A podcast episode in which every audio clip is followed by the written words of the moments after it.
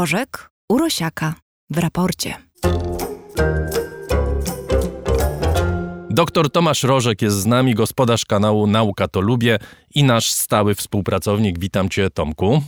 Dzień dobry, witam cię. Mówię, że jesteś specjalistą od tajemnic, bo tak myślę, że nauka to w ogóle jest sfera niekończącego się poznania i niekończącej się niewiedzy, a dzisiaj schodzimy w przestrzeń, o której zdecydowanie więcej nie wiemy niż wiemy, bo o oceanach będziemy rozmawiać. A pretekstem do naszej rozmowy jest zawarte po 10 latach negocjacji globalne porozumienie o morskich wodach międzynarodowych, czyli takich, które pozostają poza narodową jurysdykcją. Po angielsku to się nazywa High Seas i to jest mniej więcej dwie trzecie wszystkich mórz i oceanów czyli mniej więcej połowa powierzchni naszej planety, żeby była skala, bo to tak mniej więcej wygląda. Powiedz mi, czym to się różni od strony prawnej? To znaczy, co można robić na wodach międzynarodowych? Można robić to, co zdecyduje dane państwo, do których wody należą, a na wodach międzynarodowych,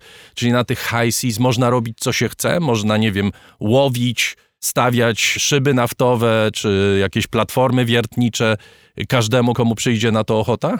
Generalnie to jest przestrzeń wspólna ze wszystkimi dobrodziejstwami i z wszystkimi wadami tego stwierdzenia. Mówię generalnie, bo są oczywiście pewne obostrzenia, ale one są bardzo, bardzo wyrywkowe i nie było wcześniej żadnego takiego prawnego parasola nad całością po to, żeby. Ja, ja, wspomniałem o tym, że my nie mówimy o jakimś kawalątku. My mówimy o połowie powierzchni naszej planety, tak około. Mhm.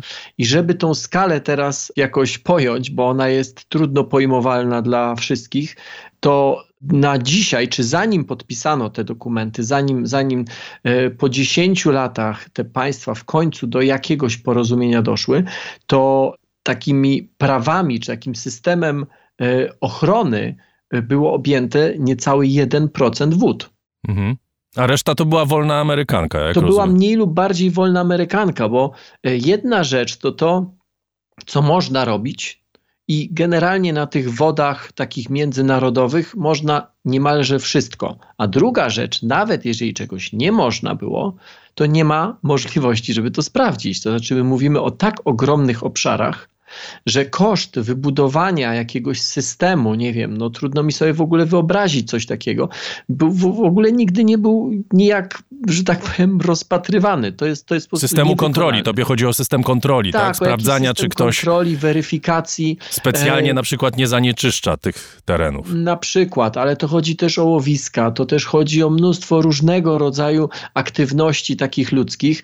E, no nie ma sposobu na to, żeby to sprawdzić i w zasadzie taka, taka główna informacja, jaka płynie z, z komentarzy dotyczących tego, o czym rozmawiamy, to taka, że super, że w końcu udało się dogadać. Jakoś. No dobra, ale jak się dogadano? Bo wtedy było 1%, a teraz będzie jak? No a teraz cały ten obszar zostanie objęty e, ochroną. Mówimy głównie o ochronie takiej dotyczącej bioróżnorodności, bo, bo, to, bo to o czym mówimy to, to, to jest taki powiedzmy odpowiednik. My co jakiś czas, e, no co roku jest COP któryś tam, tak? Ostatnio był e, w Egipcie. No więc tutaj mówimy o takim kopie, e, który dotyczy bioróżnorodności, czy dotyczy życia, a nie dotyczy klimatu. Oczywiście te rzeczy są sobą ściśle powiązane, bo jednym z powodów zanikającej bioróżnorodności są właśnie zmiany klimatu. E, to nie jest, to nie jest jedyny powód, no bo tutaj też do, nie wiem, bioróżnorodność jest ograniczana przez chociażby zanieczyszczenie środowiska ale jest także przez e, zanikanie czy wykorzystywanie nadmierne chociażby siedlisk, czy takich, nie wiem, jak mogę nazwać, takich korytarzy ekologicznych, na przykład miejsc, którymi odbywa się e, bardzo, czy popularna może to złe słowo, ale częsta migracja różnego rodzaju organizmów wodnych e, z jednego miejsca planety do drugiej. No, te organizmy, te ryby na przykład, one nie poruszają się chaotycznie, one się poruszają konkretnymi korytarzami, konkretnymi miejscami, więc e, takie e, nadmierna eksploatacja tych miejsc, ona po prostu zabija. I też, żeby, bo, bo najlepiej pewne zjawiska zrozumieć w skali takiej, no, czy skalę tych zjawisk naj, najlepiej zrozumieć podając liczby. Ja myślę, że my nie mamy świadomości na przykład tego, że w ciągu ostatnich lat 50 to niecałe pokolenie straciliśmy 70% populacji dzikich zwierząt na tej planecie. Mhm. Ostatnie takie duże wymieranie, czy tak, tak drastyczny spadek bioróżnorodności na Ziemi miał miejsce wtedy, kiedy wyginęły dinozaury.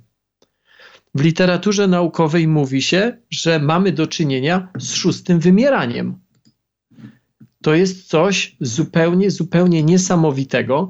Współcześnie szacuje się, zaraz, zaraz powiem dlaczego się szacuje, a nie się wie, że rocznie wymiera od kilku do kilkunastu tysięcy gatunków roślin i zwierząt. Wymiera tak całkowicie, po prostu znikają. I to jest setki razy więcej niż ten jak gdyby naturalny, bo ten argument o naturalności wymierania gatunków, on się w tej dyskusji często pojawia. No właśnie chciałem o ten argument spytać, to znaczy na ile proces rozpadania się, proces rozpadu jest wpisany naturalnie w historię Ziemi? On jest wpisany i to, że pewne gatunki mm, wymierają, to jest proces naturalny. Natomiast skala tego wymierania, o którym teraz mówimy, jest bezprecedensowa. O jakiej skali mówimy, to przed chwilką powiedziałem w liczbach. Od kilku do kilkunastu tysięcy gatunków roślin i zwierząt rocznie znika całkowicie. Natomiast to jest o kilkaset razy więcej niż ten naturalny poziom. Ten naturalny, on jest szacowany czy oceniany na podstawie różnego rodzaju badań, czy wykopaliskowych, czy, czy, czy powiedzmy zmienności genetycznej. E, natomiast e, ten, więc, więc ten naturalny, tak, owszem, istnieje. Natomiast to, co teraz mamy, to z czym teraz mamy do czynienia, to jest kilkaset razy szybsze niż ten poziom naturalny. I wracając do morza, z tego co zdołałem się dowiedzieć, najbardziej zagrożone gatunki to są rekiny, wieloryby i pewien gatunek ślimaka morskiego. Ale my generalnie w ogóle wiemy tyle co nic na temat gatunków zamieszkujących oceany. To jest też to pewna rzecz, która no, jest dosyć zaskakująca, przynajmniej dla mnie, bo znamy 230 tysięcy gatunków żyjących w oceanach, a podobno jest ich co najmniej 2 miliony. Chciałem się ciebie spytać, dlaczego my w ogóle tak mało wiemy o oceanach? Dlatego, że one są duże, dlatego, że bardzo trudno jest je badać, dlatego, że nie sposób łatw, łatwo zaglądać na nie z na przykład orbity. To jest paradoks, że mapa ukształtowania terenu, na przykład Marsa, jest dużo, dużo dokładniejsza niż mapa ukształtowania terenów zalanych przez wodę na Ziemi. A znowu, żebyśmy skalę y, gdzieś tam zarejestrowali. Ogólnie, patrząc nie tylko na gatunki morskie, ale na wszystkie gatunki żywe na Ziemi, to my odkryliśmy dotychczas między 10 a 20% zwierząt, które w ogóle tutaj funkcjonują. Czyli większość tych nieodkrytych to są gatunki, które po prostu, których my nigdy nie odkryjemy, bo my je wcześniej wykończymy zanim zdążymy je odkryć. Czyli ocean w tym wypadku nie jest wyjątkiem, tak? Również na lądzie żyją gatunki, o których nic nie wiemy, albo wiemy tyle co nic. Morze jest nawet e, większym problemem, to znaczy z gatunkami żyjącymi w morzu jest nawet większe wyzwanie, a im głębiej schodzimy, tym mniej o nich wiemy. Ta, e, ta, ta liczba 10-20% około, bo to są oczywiście szacunki, nie da się tutaj podać dokładnej liczby, ile znamy, ile nie znamy, no bo po to, żeby ją podać, musielibyśmy wiedzieć, ile nie znamy. Natomiast e, w przypadku morza, e, to ten stosunek e, ilości znanych, rozpoznanych, opisanych gatunków do wszystkich, on wypada jeszcze mniej korzystnie, bo po prostu gatunki na lądzie, one są łatwiejsze do zaobserwowania niż gatunki w wodzie. My, wo, my po wodzie się poruszamy, ale tylko po powierzchni. Nie schodzimy za bardzo pod. Tymczasem na lądzie no, poruszamy się swobodnie. Więc, ale nawet ale nawet na lądzie są gatunki, które dopiero poznajemy. I to dotyczy głównie gatunków zwierząt takich bardzo małych, żyjących na bardzo ograniczonych obszarach. E, wielu z nich nie poznamy nigdy. I ta sieć e, różnych zależności biologicznych, bo, bo powinniśmy o niej mówić właśnie jak o sieci, ona jest coraz bardziej podziurawiona. I to jest bardzo zła dla nas wiadomość. Natomiast wspominałeś o dużych gatunkach.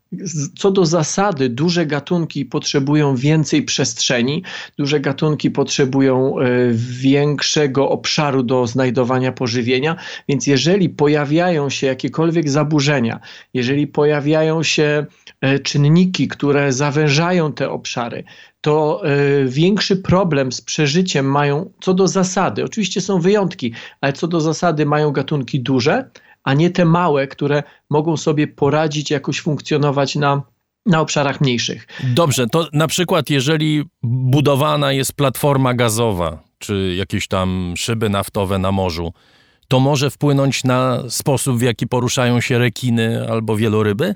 To może wpłynąć i to wpływa, dlatego że to nie jest tylko kwestia jednej platformy, która e, na mapie wszechoceanów będzie tak maleńką kropeczką, że nawet jej nie zauważymy. To jest kwestia także tego, że do tej platformy być może musi być podłączony jakiś gazociąg, a jak nie gazociąg, to do tej platformy regularnie będą przypływały statki.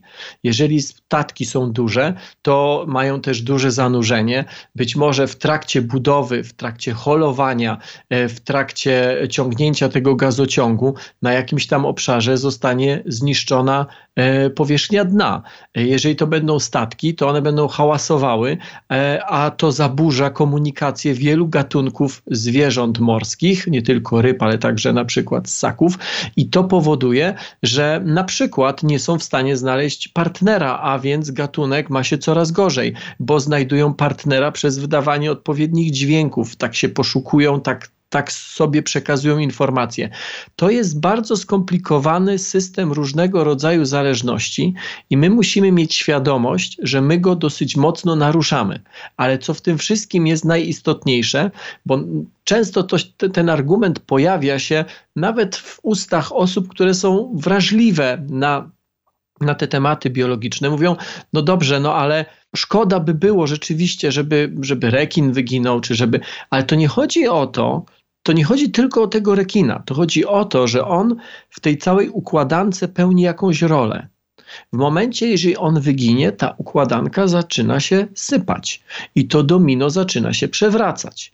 Świat się nie skończy od tego, że wyginie jakiś gatunek, e, jednego, jeden gatunek ślimaka, ale wracając do tej skali, my nie mówimy o jednym gatunku jakiegoś ślimaka. My mówimy o kilku do kilkunastu tysięcy gatunków rocznie, które znikają. I to jest to, znaczy jak popatrzymy na konkretne grupy zwierząt, to w niektórych z nich ta sytuacja wygląda jeszcze bardziej dramatycznie. Jeżeli sprawy pójdą w tym tempie i w tym kierunku, w którym idą teraz, to w ciągu 3-4 dekad wyginie 40% wszystkich gatunków owadów na tej planecie.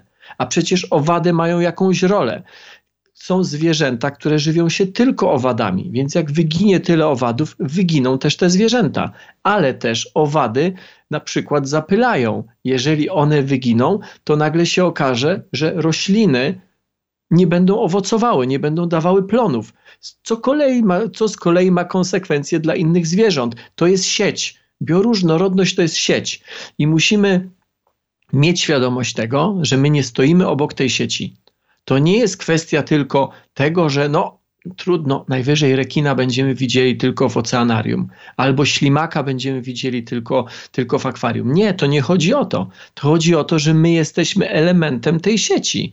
Jeżeli ta sieć zaczyna się rwać, a się rwie na potęgę, to na końcu najbardziej obuchem dostaniemy my. Tomku, skoro o człowieku mowa, to może o polityce przez moment porozmawiamy. Bo skoro to są wody międzynarodowe, na których do tej pory trwała wolna Amerykanka, to być może warto zapytać, jaki będzie skutek polityczny tego porozumienia.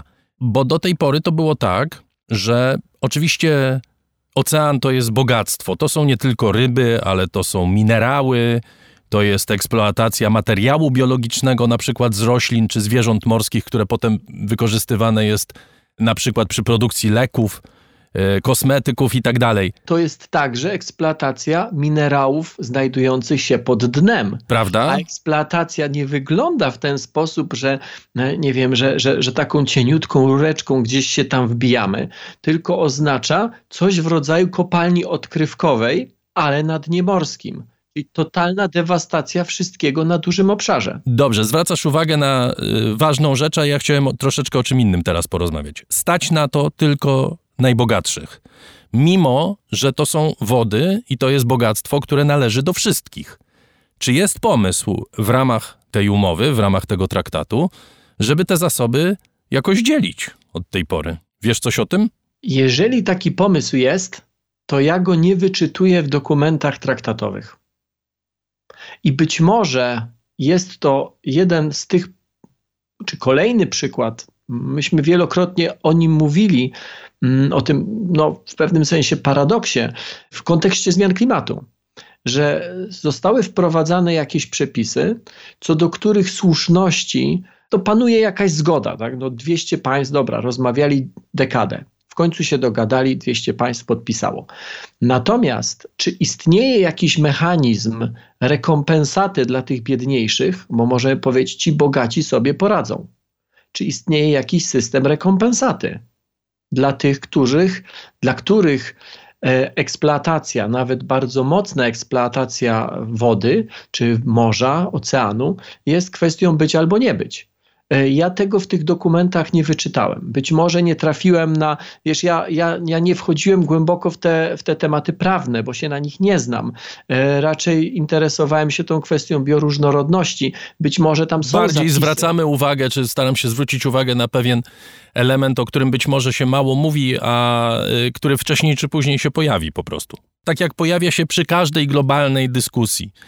Ponieważ każda globalna dyskusja zakłada rozmowę państw bogatych, posiadających wysokie technologie z państwami, które są biedne i które z tych wysokich technologii korzystać nie potrafią, nie umieją, nie mogą, bo je na to nie stać. I ci biedni zawsze mówią to samo. Przecież to, że tych gatunków tyle ginie, to nie dlatego, że my coś robimy, bo myśmy jeszcze nawet nie zaczęli. To dlatego, że wyście coś zrobiliście. robili. Że wyście to zrobili i wyście się na tym wzbogacili. W związku z tym podzielcie się teraz tym bogactwem, a wtedy my nie będziemy musieli iść tą drogą, którą e, przeszliście wy. No, tylko że widzisz, w temacie klimatu chociażby ta dyskusja z grubsza w tych trzech zdaniach, ona się toczy od kilkudziesięciu lat. Dziękuję bardzo. Dr Tomasz Rożek, gospodarz kanału Nauka to Lubię, do odwiedzania którego serdecznie Państwa zachęcam. Nasz stały współpracownik. Dziękuję Ci serdecznie i Tomasz Rożek wróci oczywiście. Bardzo dziękuję.